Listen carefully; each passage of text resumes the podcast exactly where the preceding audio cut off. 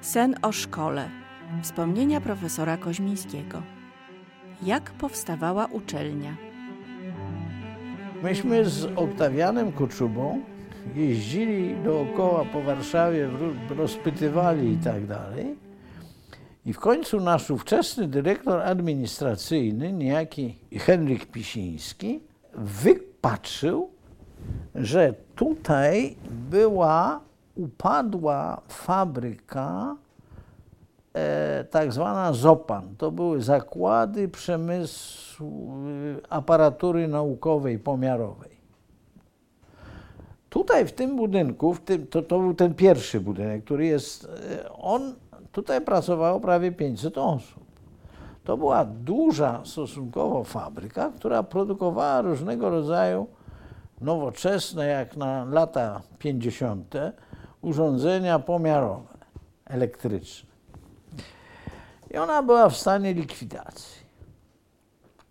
I myśmy kupili to wszystko, łącznie z nazwą, z dokumentacją techniczną, z olbrzymimi zasobami, zapasami najróżniejszych dziwnych rzeczy i przystąpiliśmy do postępowania układowego z wierzycielami,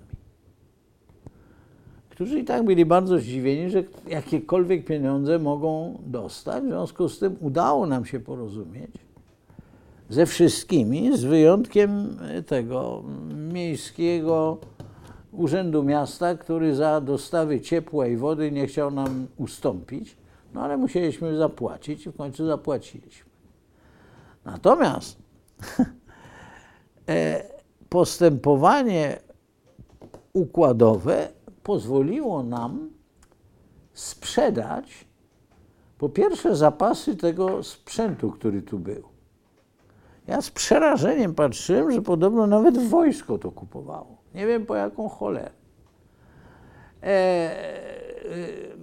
e, dyrektorem tego e, zakładu w, w tej w, w likwidacji był mój kolega szkolny, który niestety miał socjalistyczną mentalność i nie był w stanie zrozumieć, że to wszystko, co tu jest, trzeba sprzedać za cokolwiek. W związku z tym po dwóch tygodniach żeśmy go wyrzucili. No, trudno. E, ale e, przy, młodzi ludzie, tacy, którzy dostawali prowizję, zaczęli to sprzedawać. Tutaj było wszystko. Proszę pana, i drut kolczasty, i papa. Najściślej strzeżoną tajemnicą e, to była dwie kilogramowe puszki cjanku potasu, które trzymaliśmy w sejfie. Jeden klucz miał oktaw, drugi ja. Pan sobie wyobrazi, dwa kilogramy cjanku potasu, to by wystarczyłoby na Warszawę. No i nikt tego oczywiście nie chciał. E, Po wielu, wielu próbach ostatecznie oddaliśmy to do utylizacji, do Instytutu Chemii Przemysłowej, no ale niestety musieliśmy za to zapłacić i to wcale nie mało, dlatego że nikt tego nie chciał dotknąć. E, Ale tu były najróżniejsze rzeczy. E, I blacha, i drzewo, i, i gwoździe, i to wszystkośmy sprzedawali. I te pieniądze nam pozwoliły spłacić wierzycieli. Natomiast z wyjątkiem tego stoenu, czy jak się nazywał ten, ten cały interes, który dostarczał wody, jak to się wtedy nazywało? Stoen chyba.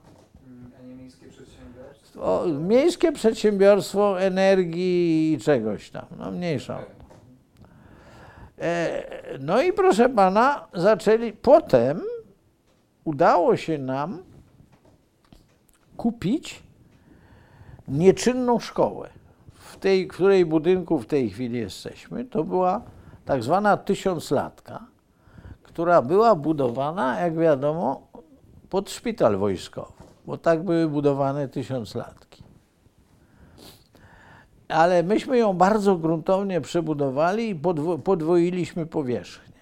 Ona w tej chwili to jest zupełnie coś innego, mimo że obrys pozostał ten sam.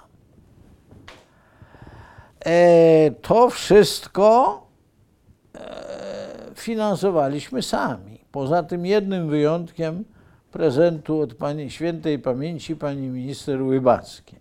W tej chwili tutaj, jak wiadomo, miasto przychodzi do nas w tym sensie, że to staje się coraz bardziej wielkomiejska lokalizacja. E, I my się tutaj dobrze czujemy. Mamy tutaj jeszcze trochę powierzchni. Tu jest jeszcze takie jeden pomieszczenie, 119, które było jedynym ogrzewanym pomieszczeniem. I tam, proszę pana, urzędował rektor i wszyscy pracownicy administracyjni. Potem jedno piętro żeśmy wyremontowali i tam było kilka sal. Potem następne, ale gruz był po kolana. Ale młodzież przychodziła, no i stopniowo to się rozkręcało. Najpierw uzyskaliśmy uprawnienia do studiów licencjackich, potem magisterskich, później doktoraty, później kolejne studia magisterskie, kolejne doktoraty, habilitacje i tak dalej. No i w tej chwili mamy pełną uczelnię akademicką, która ma pełnię uprawnień.